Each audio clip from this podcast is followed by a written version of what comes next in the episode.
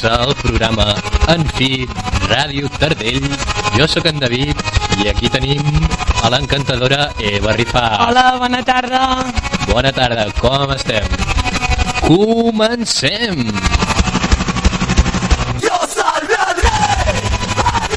Molt bé, doncs, com és habitual, comencem amb un parell de notícies. Moment, primer um, cal dir que en tot el programa sentirem un soroll una mica pertorbador. No sé si us aneu adonat. Seria la paraula pertorbador. El tema principal del programa d'avui és radiació i efectivament l'estem rebent d'una manera Radiació de fons. molt directa. Però ara mateix no serà de microones, com la que parlarem, sinó és una radiació molt ben percebuda eh, sonora. No, no té naturalesa de la llum. O sigui, parlarem de la radiació còsmica de fons amb una estranya radiació de ràdio. Molt bé, molt bé. Doncs comencem amb la primera notícia, si tothom hi està d'acord, que es tracta de que la ESA, eh, Què és la S? la ESA, l'Agència Espacial Europea, fa coses d'espai, coses així, l'Special, eh, l'Agència Espacial, doncs aquest dissabte, o sigui, avui, 20 d'octubre, eh, inicia la seva missió Bepi Colombo, que és mm, una sonda que s'envia a Mercuri. Que guai, tu. Ah. Des d'on l'envien, David? L'envien des d'Europa, és a dir, no sé des d'on l'envien, Bueno, tampoc és tan gran. l'envien des d'un lloc estratègic uh, i ho fan en col·laboració amb l'agència japonesa d'exploració aeroespacial, la JAXA, Ah, guai. uh, que demostra una bona cooperació mm, internacional uh, amb, amb aquests temes de l'espai, no? Molt bé, doncs uh, Bepi Colombo serà la tercera sonda que visitarà Mercuri després de la Mariner 10 i mm, bé, el que tractarà és de resoldre molts misteris de com es va originar Mercuri, com va evolucionar des del seu estat primigeni fins com és a l'actualitat i es pretén sobretot estudiar la seva superfície, el seu interior la composició dinàmica la seva exosfera, l'estructura bé, totes Com a- les propietats geofísiques que, que pot tenir Sí, perquè, o sigui, planeta. Mercuri, tu creus que s'ha explorat gaire o no? no, perquè clar, Mercuri és el primer planeta del sistema solar, el que està més a prop del Sol, i això fa que les temperatures inhumanes i fins i tot in Clar, extraterrestres siguin impossibles d'aguantar. és, és molt difícil de- d'estudiar O sigui, suposo que. Mercuri està a la zona no habitable de, dels exoplanetes, suposo, Mhm. no? I dels no tan exos, sí, sí uh, Bueno, vull dir, realment tampoc sé ben bé on seria el nostre, plane, el nostre sistema solar. Mhm. Vull dir, no sé ben bé fins, si arriba fins a Mart o què, però està clar que Mercuri no. no, Vull dir, seria estar dins d'un microones. uh, seria estar a l'infern Infern. pràcticament uh, allà tot, arroste, tot arrosteix Allà on, on tots acabarem. La vida pràcticament és impossible, les proteïnes es desnaturalitzen, ho parlàvem una mica l'altre dia i res, res, Sí. ni de conya. Molt bé, doncs, uh, totes aquestes sondes ajuden als científics a comprendre millor la formació i l'evolució del sistema solar, no només de Mercuri, sinó també del sistema solar. Clar, podent extrapolar doncs, a altres teories o, o als altres planetes, Això- perquè realment És que, tot està superlluny. Amics meus, això és la física, vull dir, de lo particular passem al, al general i, hòstia, trobar una, una llei general és Clar, molt plaente. Ara, parlant de Mercuri, Sí. haig de dir que aquesta setmana vam anar al terrat de la facultat Oh, és veritat. a, a veure les estrelles que hi havia a Barcelona. S'ha de dir que no és un bon lloc perquè Barcelona brilla de nit i de dia, Ai, la no contaminació. pels estels sinó per la llum i llavors vam veure bueno, moltes estrelles vam veure Saturn Uh, vau veure Era els preciós. anells de Saturn? Sí, sí, sí. O sigui, la imatge de Saturn, que em sembla que és la imatge que tothom té al cap de una esfera i l'anell al voltant. Sí. Doncs era idèntic i es veia realment molt bé. Em va sorprendre i em va encantar, la Vas veritat. veure Saturn? des de Barcelona. Si us plau, parem-nos a pensar Sí, sí. el, tot això, No, no, i, tot el que i era supermaco, eh? Molt maco. I això que vau fer, vau agafar un dia on les coordenades tot coincidís. La veritat és que seria molt maco fer-ho així, però a l'internet i tot això, doncs, ja en t'ho fan. I a la facultat tenim un telescopi que li poses el nom i ell mateix busca. Ah, o sigui, tu poses allà, busca'm. Saturn, i el telescopi diu, I got you, bro, Yes. i et busca Saturn. Hòstia, Vull dir, suposo que té un sistema així supercomplicat, però el que feia el, telesco el telescopi era tu li poses el, el que vols, sí. ell bu buscava un punt de referència que, per exemple, era una estrella que brillés molt en aquella nit Mm -hmm. I després uh, fa el viatge cap on ha d'anar les coordenades per situar-se, perquè si, si es desorienta um, suposo que els moviments que feien estan ben cal- calculats i no trobes Ah, res. és per calibratge, perquè Sí. a dir que s'ha d'orientar una màquina, saps? Clar, perquè és que ha de ser supercomplicat, saps? Clar, Dir clar. exactament les coordenades, l'altura, la, la inclinació del Sí. telescopi, saps? Oh, que bonic, doncs realment un telescopi és un instrument, com, com els instruments musicals, que s'han d'afinar perquè, clar, no? Bonic. Igual. Sí, sí, és igual. Igual, igual. Molt bé. Doncs quina Per enveja, apreciar la bellesa de la música necessites l'instrument. Per apreciar la bellesa de Saturn vam necessitar el telescopi i així va ser. I Vull dir, l'ingeni humà. La gent es va quedar flipant. Què? I l'ingeni humà, i l'ingeni humà, perquè... Sí, sí. Molt bé, doncs l'hem estat fent una assignatura d'astronomia observacional que jo em vaig negar a fer per tota la feina que comportava Bueno, de moment no tanta feina. i fa dentetes, no? Fa venir enveja Ah, bueno, doncs sempre ets a temps de fer-lo, no? sí, sempre estic Bueno, atent. o sempre temps d'escoltar-me que t'ho explico. exacte Bé, bé.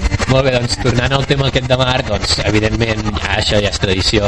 Aquesta missió eh, també intentarà confirmar l'existència de gel eh, d'aigua, per entendre'ns, i una cosa molt interessant és que estudiarà el fenomen de, de com l'aigua arriba als, als planetes, no? perquè aquí a la Terra és tot un misteri això, perquè tenim molta, molta, molta, molta aigua i el seu origen és bastant incert. És incert? És bastant incert. Hi ha, moltes, Com és això?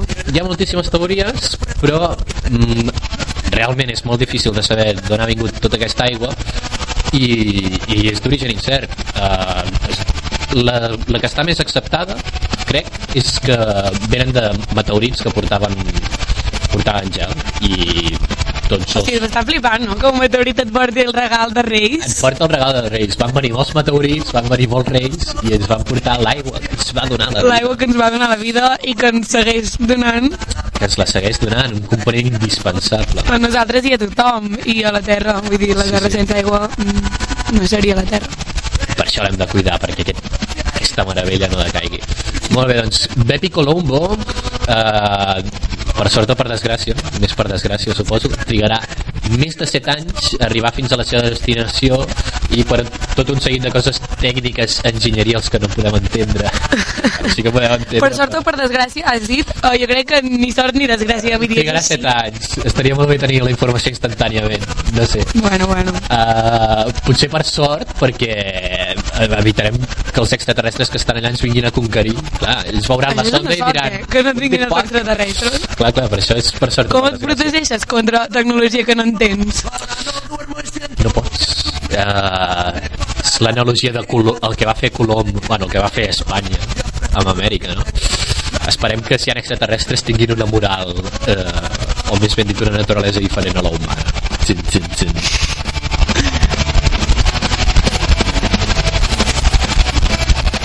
Molt bé, la segona notícia la segona notícia haig de dir que és, és catastròfica De veritat, és, eh? és, és una pena és una pena perquè tots sabeu que tot i el que digui el senyor Donald Trump eh, està havent-hi canvi climàtic i això és molt trist perquè la Terra se'n va a la merda, etc etc. però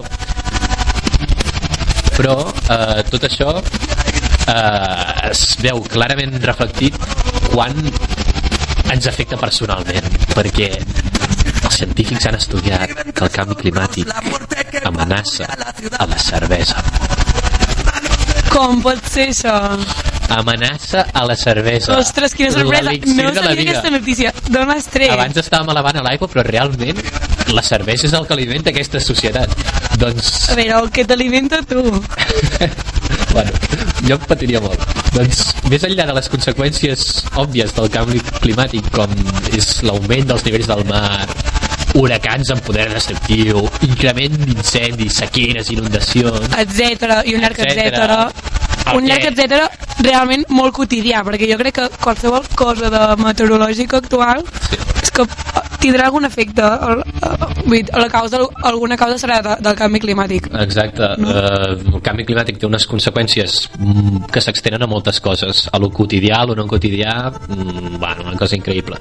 Doncs, tret de, de aquestes coses tan horribles, doncs es veu que la Universitat de, Cal de Califòrnia, a Irvine, eh, han afegit aquest nou efecte del... Bueno, aquest nou efecte, aquest altre efecte del canvi climàtic, és l'escassetat mundial del, submini, del subministrament de cervesa.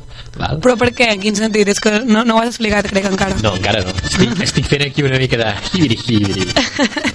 doncs, en un estudi publicat en Nature Plants, eh, els experts assenyalen que les sequeres i onades de calor, ara aquí sí que ja es veu més per on vaig, doncs aquestes sequeres i onades produïdes per l'afectament de l'escalfament global antropogènic, o sigui, el creat per, el provocat per l'humà, doncs conduiran a fortes caigudes en les collites d'ordi, el principal ingredient de la cervesa. O sigui que estem una mica fàquets. Uh, cito, diuen literalment que el planeta s'enfronta amb molts impactes, això que dèiem, del canvi climàtic, que posen en perill la nostra vida. De manera que, que potser gastar una mica més...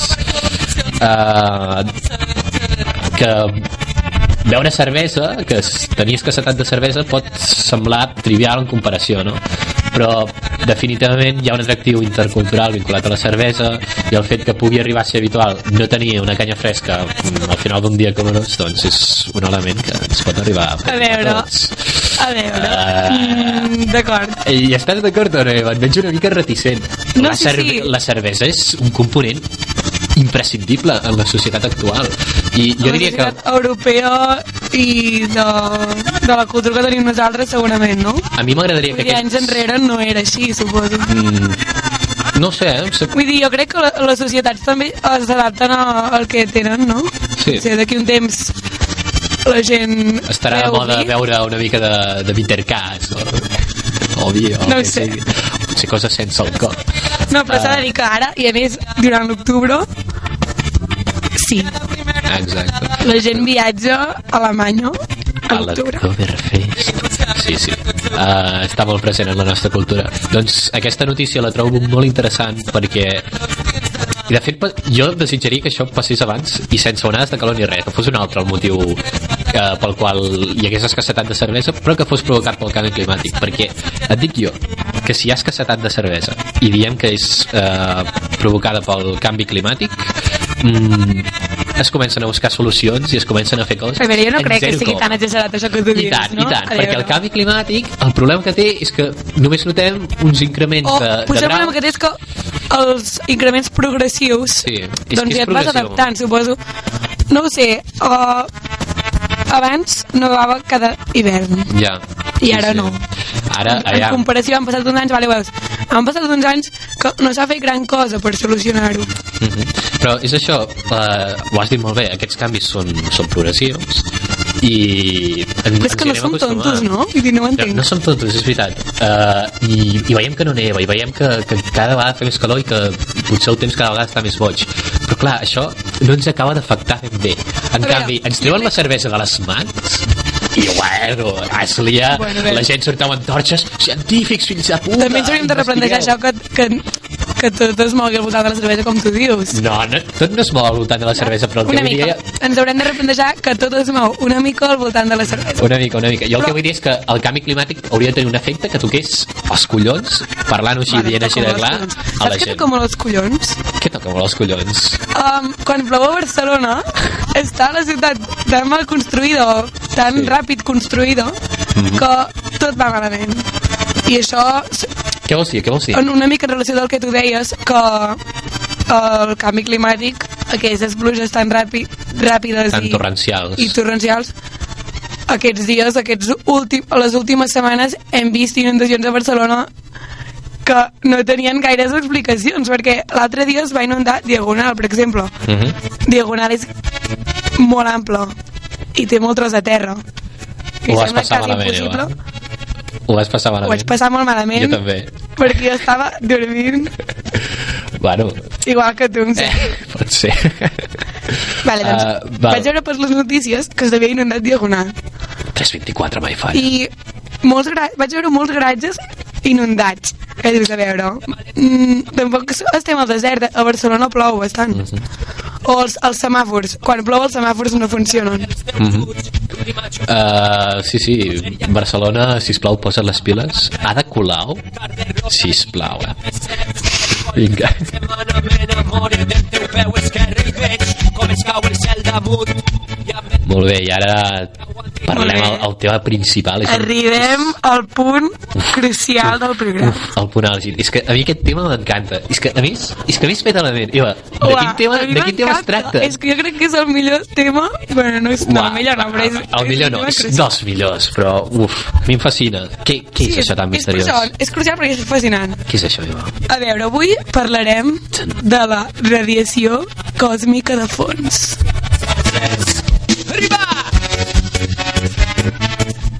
Vaja, quin, quin A nom veure. més misteriós. Jo crec que la gent no sap què és o la radiació còsmica, o no sé que... Jo no ho sabia. Jo fins que no m'ho van explicar... Dir, ho dic per experiència, perquè jo tampoc ho sabia. Se- Segurament molta gent sí que ho sap. Però suposo que com que necessites una mica de coneixements previs del que va ser l'inici de l'univers, um, saber-ho, que t'expliquin directament el que és, és una mica complicat. Llavors, avui el que farem serà explicar, explicar una mica què va originar la radiació de fons de microones, com es va descobrir i en general per entendre el que és. Mhm. D'acord? Molt bé. Molt bé, doncs... Què deu ser? Què deu ser A veure, va, som-hi. Això de la radiació de A veure, comencem explicant els principis de l'univers. Uh, Primer, el temps zero. temps zero. Um, temps zero Què hi havia abans del temps zero, Eva? no ho sabem. No sabem. I realment la física no tractarà aquest tema. Ah, exacte. No, no és un tema de física. El que no es pot sinó més saber. aviat filosòfic. Totalment. I és així el perquè de moltes religions doncs, o molts científics són religiosos perquè no, no xoca aquest argument no? Hosti, no, jo no sé si és una pregunta que les religions es fan sovint. És com si tot ja estigués allà i el temps zero suposo Jo que és quan que el és Déu una- crea l'univers. Sí, és una pregunta de les més uh, crucials de totes, no? Més um, inicials.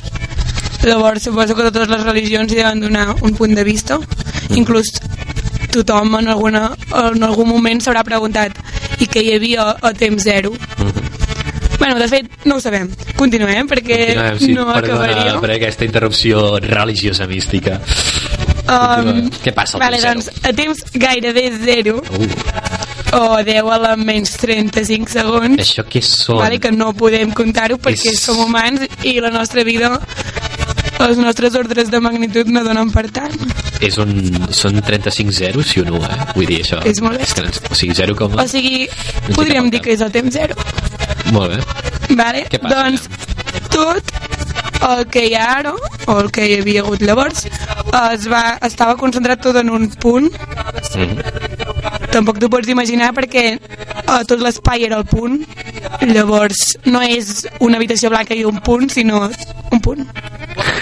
Uh, jo diria, o sigui, parlo des de la desconeixença, però quan diuen un punt ens costa molt d'imaginar perquè es refereixen a una cosa que no té ni dimensions. O sigui, Una cosa és una cosa que no, singular, no està ni grassa, ni és alta, ni res. O sigui, no, diem punt per dir alguna cosa perquè o a vegades també dius punt a les coses llunyanes perquè no ho són en realitat. Uh -huh, un punt singular uh -huh. vale? no, té, no té forma de punt perquè tampoc sabem quina forma tenen els punts vale. Molt bé. doncs tot estava junt i fins i tot les forces fonamentals estaven juntes a veure, Uh. quines són les forces fonamentals? Ah, m'estàs posant a prova, eh? Va, No, no t'estic provant a prova, si no Ah. dic jo, vull dir, no passa res. No, no. Vale, em sembla que les sé, aviam. Home, sí que les sé. Uh, si només n'hi ha quatre, eh? Potser se n'ha descobert una de nova. N'hi ha quatre, em pots confirmar això? A veure, suposo. Ah, vale. Bueno, doncs, mira, t'ho diré, diré per ordre, vale? D'acord, La més, ordre. Crec, eh? Per, per, per l'ordre que crec. No, per l'ordre Però del... no és ordre d'importància, perquè totes són iguals d'importants. d'importància no, home, totes, per favor, jo no sóc un racista de forces, eh? Vale, va, tant digues. la gravitatòria, ja les estic dient, per ordre de, de, de la seva força, per ordre de la seva intensitat, Val, valga la redundància. Ah, d'acord. Doncs, mira, primer tenim la força nuclear forta, que és la que manté els àtoms units, llavors tenim la força electrostàtica, bueno, la força elèctric, electromagnètica, més ben dit, eh, que és la que té a veure amb les càrregues i el magnetisme i això, i també té a veure en què, quan en, el per què quan ens toquem dos dits, aquests dos dits mai s'arriben a tocar, perquè realment els seus àtoms Sí, realment l'electromagnetisme és superimportant i costa una mica de, de ficar-lo a la vida quotidiana, però és que hi és a tot arreu. Aquesta és la segona més forta. Llavors, crec que la que ve següent és la gravitatòria, no em voldria equivocar, que és bastant dèbil. Llavors hi ha la força nuclear dèbil, que... Vols dir, David? No sé, no sé. Aquests, A veure, jo crec que no, però llocs... ara, ara ho miraré. Uh, sí, fem, fem un fact check. Vale, sí, perquè és, Ràpid. és una cosa molt important. Uh, sí, bueno, i m'he posat en un berenjenal jo solet, intentant-la Està molt bé, ordenar. tio, Hauria pensat que ho anaves a dir superguai. No, no, crec que soc retrasat. Sense el crec. No, jo confirmo que no. sí, sí. Doncs, doncs la gravitatòria, evidentment, és la que la força originada per les masses i la nuclear dèbil és la que causa certes desintegracions. Vale, com en David ha admès, primer hi ha la nuclear forta, Mhm. força relativa 10 a la menys 31, relativa a la gravitatòria, d'acord? Uh, la- llavors hi ha l'electromagnetisme, la força electromagnètica, 10 a la menys 36, aquestes dues s'assemblen bastant, com heu vist, Mhm. tot i que no, perquè els exponents són molt diferents. Vale. Uh, llavors hi ha la nuclear feble, Mhm. 10 a la 25, t'has equivocat per 10 a la 25. Oh, oh, que poc, que Ups, poc. quasi. Ups, sí. Llavors hi ha la gravitatòria, que és l'1, vale? Doncs la gravitatòria és la més feble. O sigui, uau, Me caso amb Dena. la menys forta. Allò que... La dels- que a vosaltres us sembla la més forta que... No? Clar, clar, és la que ens la primera que t'arriba. a la Terra, els forats negres que forta. si estàs per allà. La que fa que tu no vegis l'expansió de l'univers. Ara, Uf, molt bé, molt bé. Expliquem això després, perquè Després. és Vale, va, complicat. continuem, En- ens hem posat... molt. Què, què estaves dient? Estaves dient que totes les, vale, les totes quatre aquestes forces... quatre forces estaven juntes. Sí. Perquè uh, hi havia una temperatura tan alta que res es podia separar. Tot era una sopeta, no? Perquè aquestes forces, cada aquesta for... o sigui, cada força s'identifica amb una certa cosa física. Per exemple, la gravitatòria s'identifica amb la massa, evidentment, l'electromagnètica amb la càrrega, etc. Doncs tot això estava juntet, no? Tenia una sopeta de coses. Teníem una sopeta de coses i eren super amics. Tothom era amic, tothom era junt. Vale. Llavors, bueno, bàsicament es va anar expandint mica en mica Mhm. Es va anar refredant. i alhora refredant. Mhm. Llavors, el procés d'expansió de l'univers bàsicament és expansió, refredament, expansió, refredament Mhm. i així fins al final. Uf, Per tant, gairebé ho hem dit tot. ja està, Però hem bueno, explicat l'univers, eh? va. Hem explicat l'evolució de l'univers, sí, Déu. bàsicament, o sigui, primer de tot, uh, no hi havia partícules normals com les que coneixem ara, uh, neutrons, protons, electrons, que és la que coneixem més, Era una sopeta. no hi eren. Primer de tot, uh, es van formar els protons, vale? Llavors, el, el fet d'haver-hi només protons també vol dir que hi havia molt, una temperatura altíssima, Mhm. semblant a la que hi ha dins de les estrelles. Mm. Vale, perquè algun dia explicarem el, la vida de les estrelles, que primer primer hi ha els protons, Mhm. no? I, està mica en mica, tot doncs, molt calent i mica en mica, a Sí. mesura que avances en estrella, Llavors, jo diria que l'expansió de l'univers es pot fer una mica el símil amb, amb el creixement d'una estrella, Mhm. que al principi Bonic. es comencen a haver-hi només els elements més senzills, Mhm. um, i mica en mica, quan es van esgotant aquests combustibles es cremen i cada cop es va augmentant de, de massa atòmica, Mhm. no? Llavors primer hidrogen, heli i anar fent. Vale, si us mireu la taula pe- periòdica, doncs aneu seguint els elements Segons i així va ser... Sí. l'1 el 2 això és el número de protons que tenen i es van creant, no? Vale, llavors es va anar expandint i refredant fins que es va refredar prou per formar-se els primers àtoms neutres. Què vol dir àtoms neutres? Àtoms... Què els Àtoms passa? que no estan carregats. no estan carregats, però sí, bé que tenen un protó i un electró, no? Clar, es compensen. Ah, es compensen, per això són La neutres. càrrega es compensa. Vale, vale. O sigui, si te'ls mires com un tot... Per exemple, quan tens una balança, si tens moltes coses bones i moltes coses dolentes, doncs s'equilibra. Ah, exacte. Quan està uh, molt recte, doncs és neutre. O sigui, no és que no tinguem res de càrrega, sinó és que les càrregues es compensen, no? Tenim molt dolent i molt bo. M'ha encantat el símbol de balança. Molt bé, molt bé. Vale. Llavors, no va ser el Big Bang, quan sona aquesta paraula penses una mica en explosió, Boom. però no, no, no. Bàsicament era una expansió. I el Big Bang, no sé si es refereixen ben bé al temps zero o una mica després, Mm -hmm. no? Tu què en penses? Jo crec que el Big Bang es refereix al temps zero. Clar, vull dir, si no, realment tot és el mateix, llavors Sí. on poses el límit tu? I ja no és Big Bang. Segons tinc entès jo, el Big Bang és una mica com tot el procés i llavors hi ha com un moment en què la sopeta deixa de ser sopeta i hi ha com un període d'inflació, no? No sé si m'estic adelantant aquí a, a los Oh, bueno, no, realment ja ho pots dir-ho, però sí, el període d'inflació ho pots dir-ho si vols. Sí, ho dic, Sí, període però- d'inflació. doncs sí, hi ha, hi ha com un període en què hi ha una metàfora que va perfecta per entendre-ho, que aquesta metàfora, bueno, és en 2D i l'univers passa en 3D, però que va perfecta. O sigui, si us imagineu que tenim un globus, vale? un globus desinflat, i comencem a fer puntets, que aquests puntets serien les galàxies, i de cop el que fem és inflar el globus, up, uh, veiem com totes les galàxies, tot i mantenir la seva mida, es van separant entre elles. I uh, això és el que va passar, és el període aquest inflacionari on tot es separa de tot i el que Sí, em i peta... alhora tot... Vale, digues aquest peta la ment. Que em peta la ment és que, clar, a mi em, em van explicar això de, de, de que tot s'allunyava de tot, no? Mm, ens van explicar un dia... Al principi costa una mica, són com... Tu t'imagines Sí, una sí, persona sí. que va marxant. No, clar, clar, Però clar. no, no és això. Però que tot s'allunya de tot. I, Vol dir clar, que l'espai mateix es va inflant. Sí, aquesta és la conclusió, però si tu t'ho imagines des de la Terra, clar, des de la Terra vas veure com les coses se t'allunyen de tu.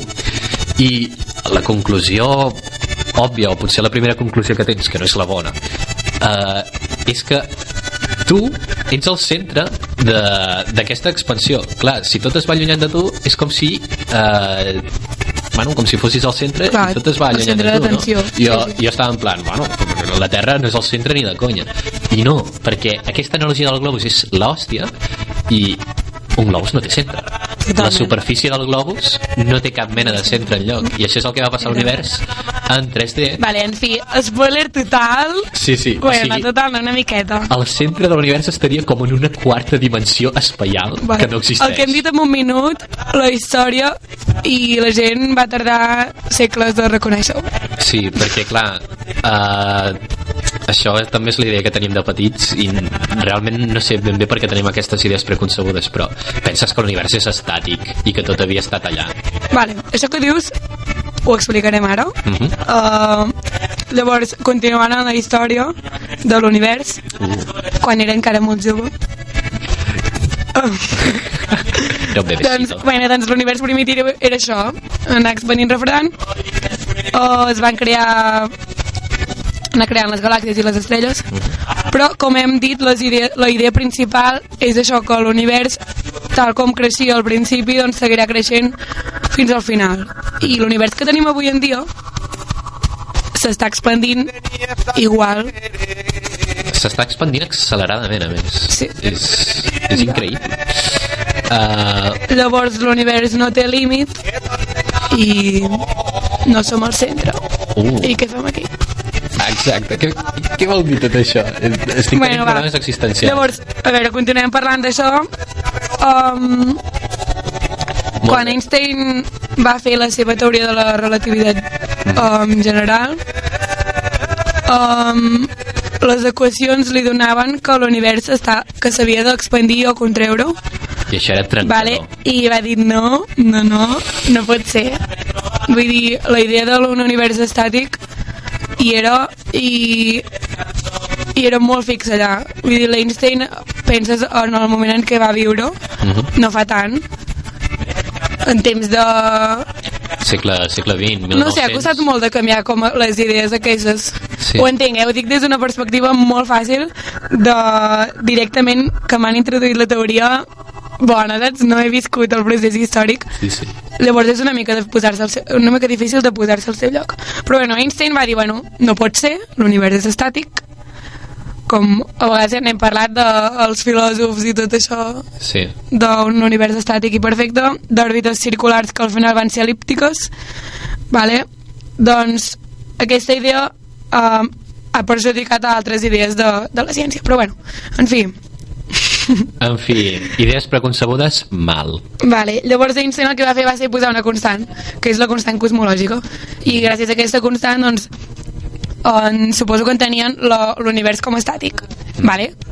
Però sigui- era com una un arrec, arreglo No? Un arreglillo, però, però quina que cosa les matemàtiques estaven allà dient tu, escolteu-nos, us estem parlant cutre, no? Mm. Sí, sí. I no, no. Clar, imagina't, tu, tu fas unes, unes hipòtesis bones, com les que van fer Einstein, i arribes a una equació i diu, hòstia, l'univers s'està expandint, tio. I tu dius, no, no, no, no, no. I fas un arreglo matossero i dius, mira, et vaig a posar una constant aquí i t'estàs quietecito, eh, univers. Hòstia. I uh, el, més, lo més interessant d'això és que Einstein va qualificar aquest arreglo, un arreglillo, com el pitjor error de la seva vida. Però és que, imagineu-vos... Fort, eh? Imagineu-vos si Einstein havia arribat a estar predestinat a, a ser una persona genial que actualment hem recuperat aquesta constant, la constant Sí, cosmològica. sí, vale, ara hi arribarem. Doncs bueno, ha arribat el moment de parlar de les fonts de radiació de microones. Mhm. Vale? A veure, just en el moment en què els fotons es van poder, van poder ser lliures, vale? es van emetre i els fotons són ones que van, vi- van viatjant. Mhm. Llavors, la radiació còsmica de fons són el, els primers fotons um, que han arribat fins avui en dia. Vale? Hem viatjat en l'espai fins a nosaltres i percebem aquesta radiació. Molt bé. Vale, això és la idea més superficial de la radiació còsmica de fons. Ara podem explicar una mica com es va trobar. Llavors, després de que Einstein fes això, eh, alguns científics van predir aquestes zones. Vale? Van preveure que si l'univers s'expandia, la, la primera llum doncs, no tenia per què no ser captada. Mhm. Llavors, aquesta radiació, a l'hora que l'espai s'expandia, doncs també s'expandia. Vale? Per tant, la longitud d'ona dels primers fotons no ha de correspondre amb la que percebem nosaltres ara. Mhm. Vale? Llavors, dit això, um, no s'havien trobat aquesta radiació, simplement era una teoria que estava allà, i em sembla que eren uns astrònoms que volien fer... tenien unes antenes de ràdio, vale? crec que era molta els anys gràcia, això. 64 per allà, bueno, la dècada aquella i mm, em percebien un soroll el Ells sentiu, estaven fent una investigació seva i, i volien que el analitzar... sentiu aquest soroll és com nosaltres, estem trobant vale, la radiació de doncs, fons. sentien un soroll i no sabien què era vale? van netejar les antenes es pensaven que havien sigut uns ocells que passaven per allà van fer mil van arreglar mil coses vale? i seguir allà i van dir hi ha d'haver alguna explicació física a aquest fenomen tan no sé si dir que era dolent per ells no ho era, no ho va ser Bueno, els estaven torpint la Bueno, seva investigació, però... la seva investigació. Imagina't si va ser dolent a, a llarg termini que el, en aquests dos homes eh, aquest descobriment els hi va valer un premi, no? com una totalment. casa. Com doncs una llavors casa. van anar investigant i van veure que si talment era la teoria que havia estat predida, Mhm. vale, era la radiació de la primera etapa de l'univers. Exacte. És flipant.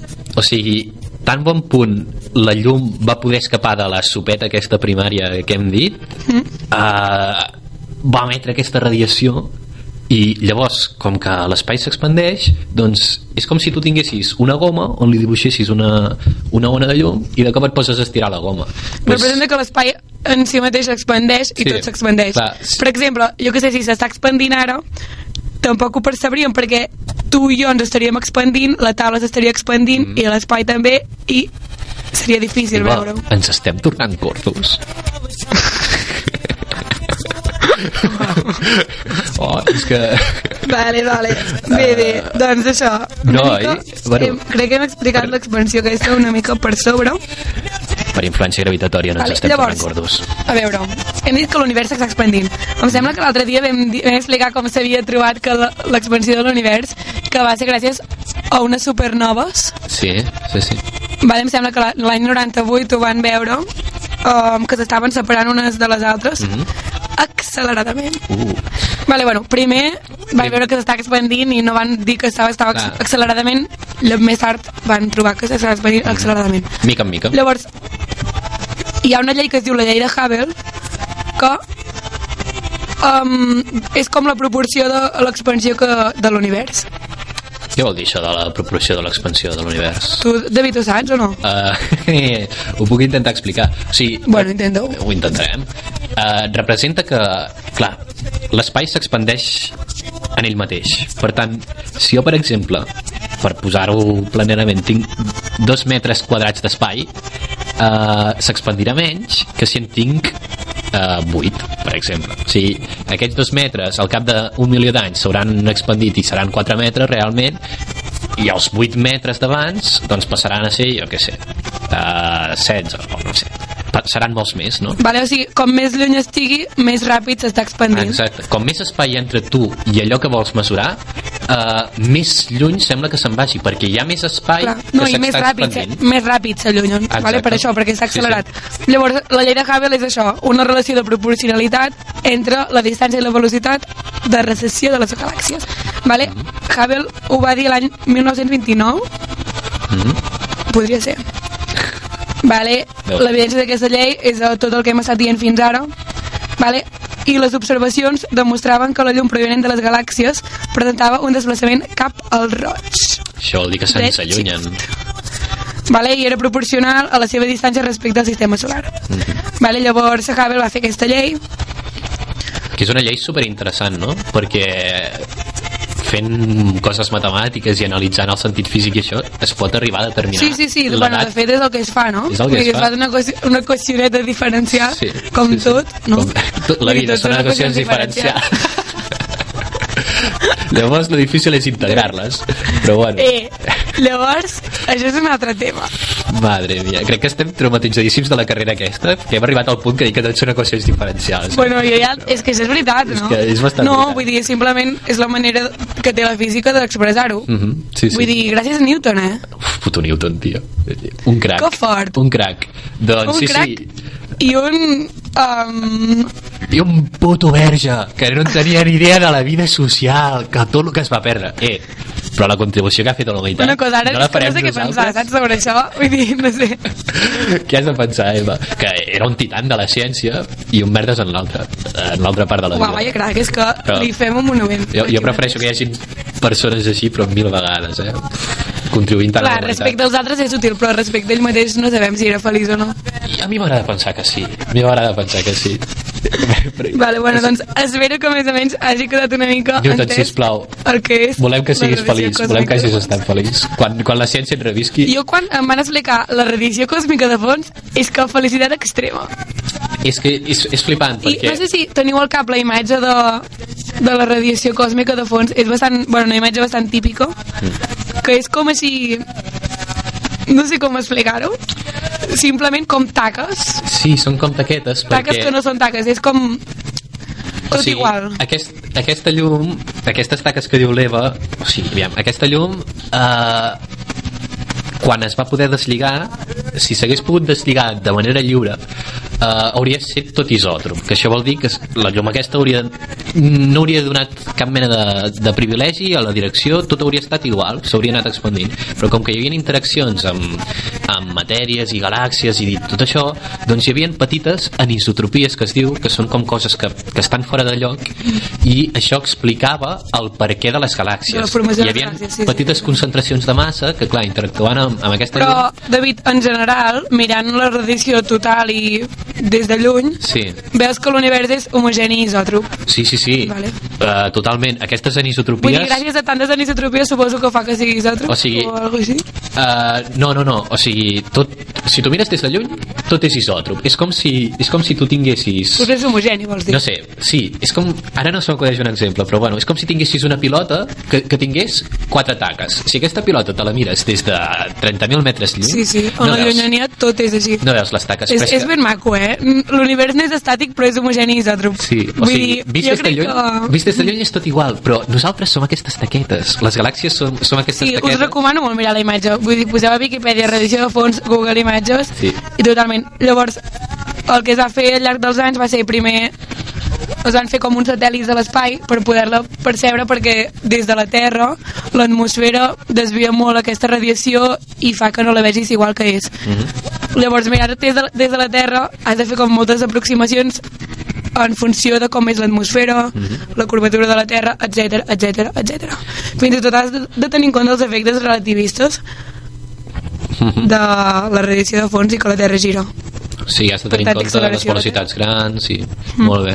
Uh, I una cosa que no hem dit, que és curiosa també, és que uh, a les longituds d'ona se'ls hi pot associar una temperatura. O sigui, per exemple, gràcies a la, a la llum que ens arriba del Sol, podem saber quina temperatura té la superfície, no? Doncs el que és molt curiós d'això de la radiació de microones és que quan es va emetre, com que l'espai estava més contret del que està ara, clar, perquè s'ha anat expandint, doncs la temperatura associada a aquesta longitud d'ona era, era elevadíssima. És la temperatura a la qual s'equival a un cos negre. Sí, vale? sí. Expliquem. Un cos negre és un cos que no reflecteix res, simplement tot el que absorbeix ho emet. Tot el que absorbeix ho Vale? Llavors Sí. entenem l'univers com un cos negre tenia aquesta temperatura. Mm. Vale? I deixa'm-ho dir, Digue-ho, et demano... Eva, tens el privilegi i el luxe de dir Gràcies. Doncs la radiació còsmica de fons que rebem, la seva temperatura equivalent equival a uns 3 graus 3 kelvins. 3 kelvins, que és... Kelvin. Ah, 3 graus Kelvin, anava Sí. a dir. Clar, clar, clar. Molt bé. Sí, sí, que això, o sigui, per posar-nos a...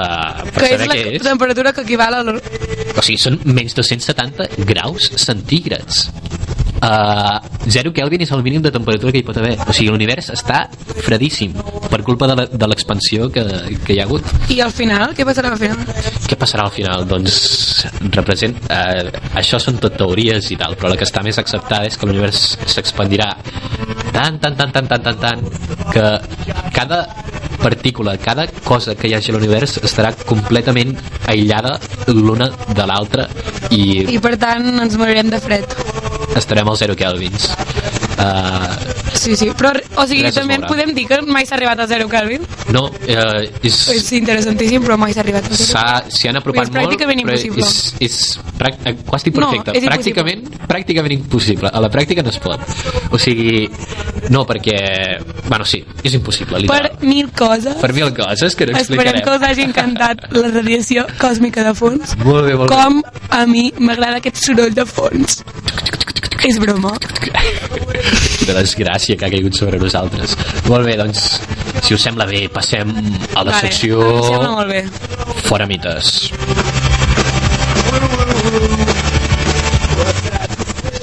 molt bé, doncs A veure, quin mit ens has portat avui, David? Mira, uh, he estat com dues o tres setmanes ple de mocs, mocant-me allà en, enmig de la classe, molestant els companys Agradablíssim.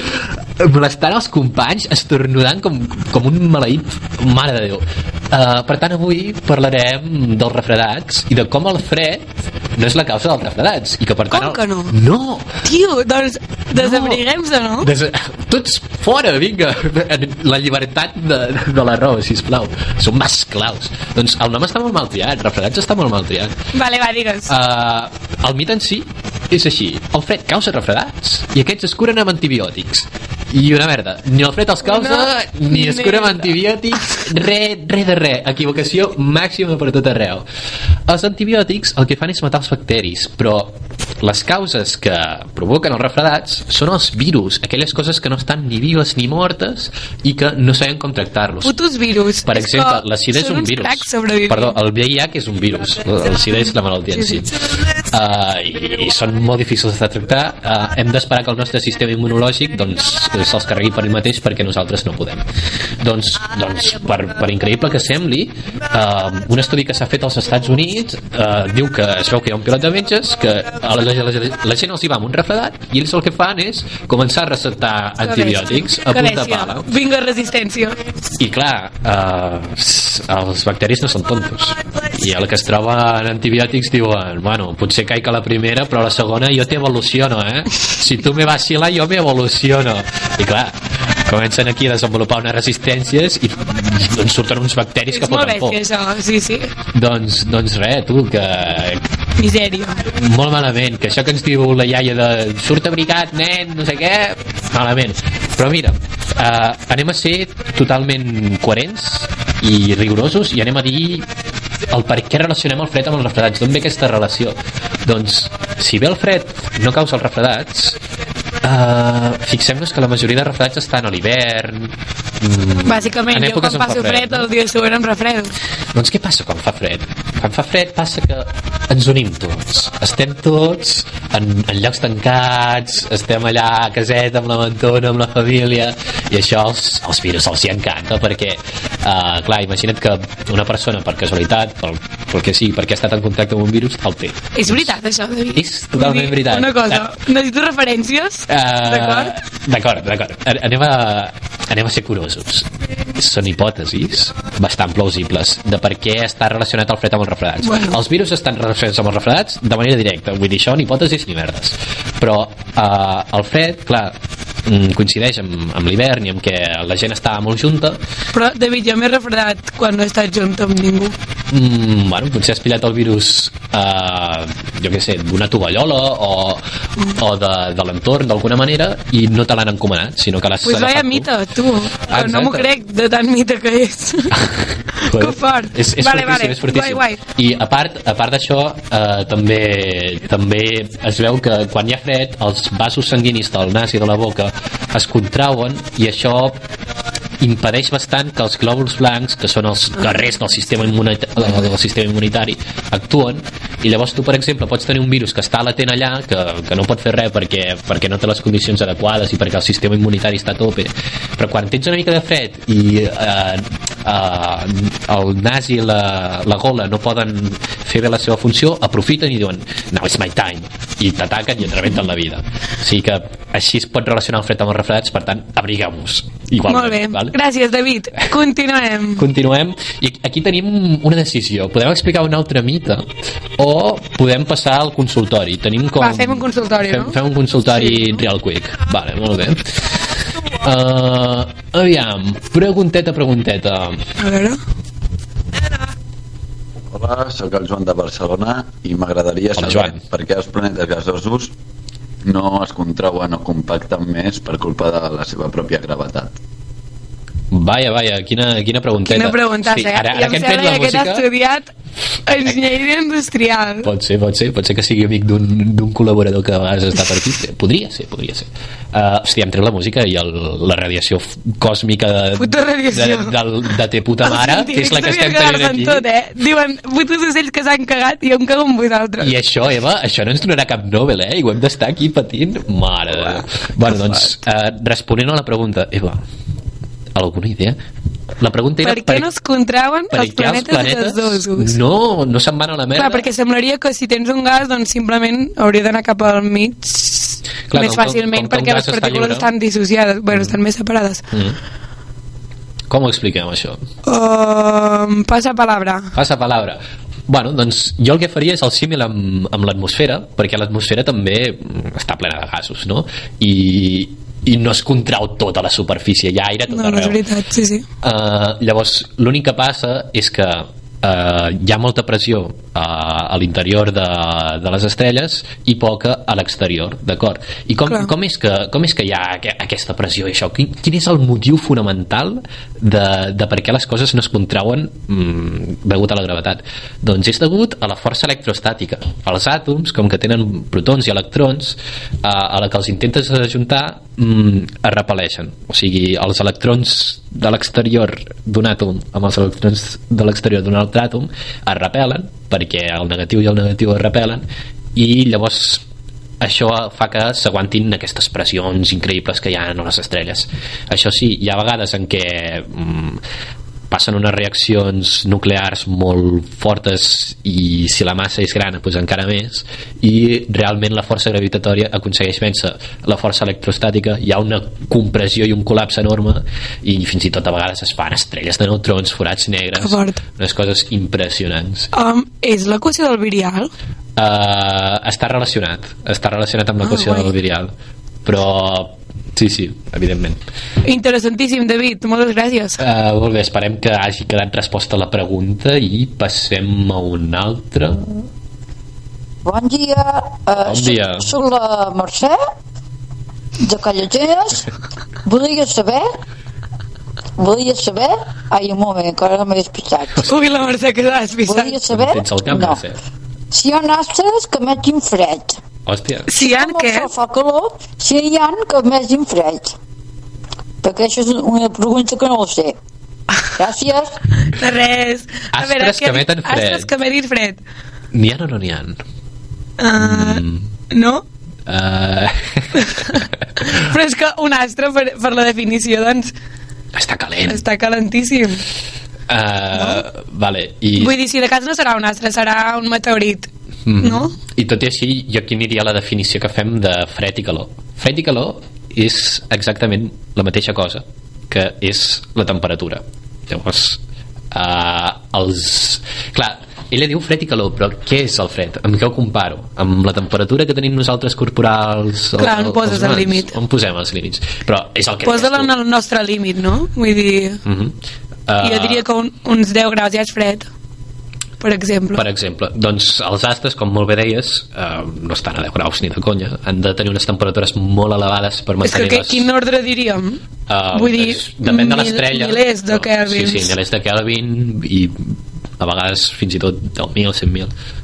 Depèn en la, en la seva vida, també. Sí, de la seva vida, la seva massa, el període de la seva vida en què estan, etc. I, bueno, mm, podries dir, suposo, que el buit emet fred, però és que no és ben bé això, és simplement que està a la, a la temperatura que està i ja està, i si tu et poses al buit eh, sense res més, doncs acabaràs refredant fins a la temperatura del buit aproximadament Clar, depèn de la, de la radiació de la pròpia estrella, de la radiació dels elements que hi ha a dins, exacte saps? Llavors, normalment emeten la radiació que emeten els, els elements que diríem més generals que hi ha en les, en les estrelles Mhm. és radiació que diríem, entendríem com a calenta, no? com a que ens rostim allà Vull però dir- vamos, contestant a la A pregunta veure, ara tinc aquí les temperatures de les estrelles. Mm. Per exemple, el Sol està, té un, és de color groc, per tant està a uns 5.500 graus.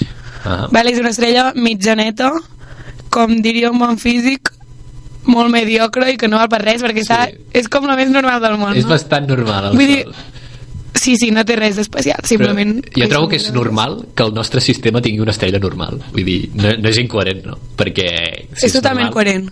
Però no sé si al llarg dels anys la gent... Bueno, tothom es creia que érem el centre de l'univers, etc etc. Som la Doncs cosa no. més mediocre i més... Sí, sí, és que, va, és que me'n recordo paraules de la nostra professora. Mm? És una bírria d'estrella. Uf. Bueno, però almenys ens dona la vida, per tant, Sí, sí, li donem les gràcies vida, al Déu Sol. Molt bé, doncs, eh, responent a la pregunta, sí, poden haver astres que emetin fred, depenent No, no astres, sinó coses que Bueno, coses, a l'univers. coses- coses Vull dir, perquè general. després has de repassar la definició que tu tens d'astre, Sí, sí, sí. Molt bé. filològicament parlant. Era més una pregunta de precisar que no de respondre. Sí, jo crec que sí. Molt bé, següent pregunta. l'últim? Sí, va. Fem l'última. Aviam. Dic Andrea i fa ciències ambientals i em pregunto per què la lluna no es veu sencera. Oh, i l'Andrea de Ciències Ambient- Ambientals i un tal David Fernández de fons. Eh, p- p- això és mentida totalment. Jo no estava present allà. I eres presentíssim allà. Molt bé, doncs, la pregunta, la pregunta. Tor tornem al que, que ens interessa, sisplau. Per què la Lluna... Per què la lluna No només en ve- veiem un tros? Només en veiem un tros, sí. Bueno, depèn. Bueno, realment, si tu poses dues pilotes, Mm -hmm. una més gran Una que sigui la Terra i una petiteta, doncs el que la Terra veu no és l'altra banda perquè la lluna no és transparent Mm -hmm. O sigui, simplement per la posició on estem. sí, això quan està plena llavors el que és interessant parlar és lo de les fases de la lluna Mm -hmm. vale? que segons com, doncs sembla estrany que només em vegi centrats, però és que realment si tu proves de posar un focus a davant, llavors la Terra i llavors la Lluna, en diferents posicions, doncs veus que no es queda il·luminada tota i realment tu només veus la part il·luminada. Mm -hmm. Vale? No és que la Terra tapi ben bé la Lluna, sinó que no queda il·luminada. Mm. És molt interessant. No sé si vols afegir alguna cosa sobre la cara fosca de la Lluna, però crec que no tenim temps. Sí, gairebé estem... Eh, eh, ens falta el temps, però bueno, m'encanta que a la Lluna només puguem veure una cara, perquè és És preciós. La Lluna és la, una maca en la rotació diària de la Terra, diguem, la, la que David. fa que hi hagi dia i nit. Temps. Sí, sí, acabo en un... Eh, ens queden 30 segons. Sí. Vale, guai. Ho dic en un momentet. Un moment, prefereixo despedir. Vale? Però Ens despedim amb aquesta radiació de fons. Deixa'm acabar un momentet, Eva. Només que la rotació de...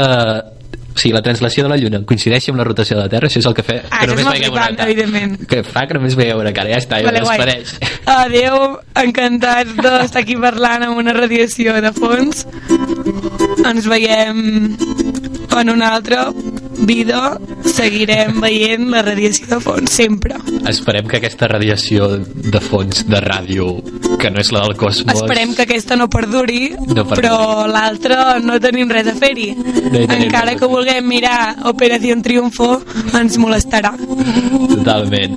Molt bé, doncs, un plaer haver estat amb vosaltres aquí avui, m'ho he passat molt bé. En fi, en ens fi, veurem. en fi, ens veiem. Nosaltres ens trobem a la biblioteca. Musa.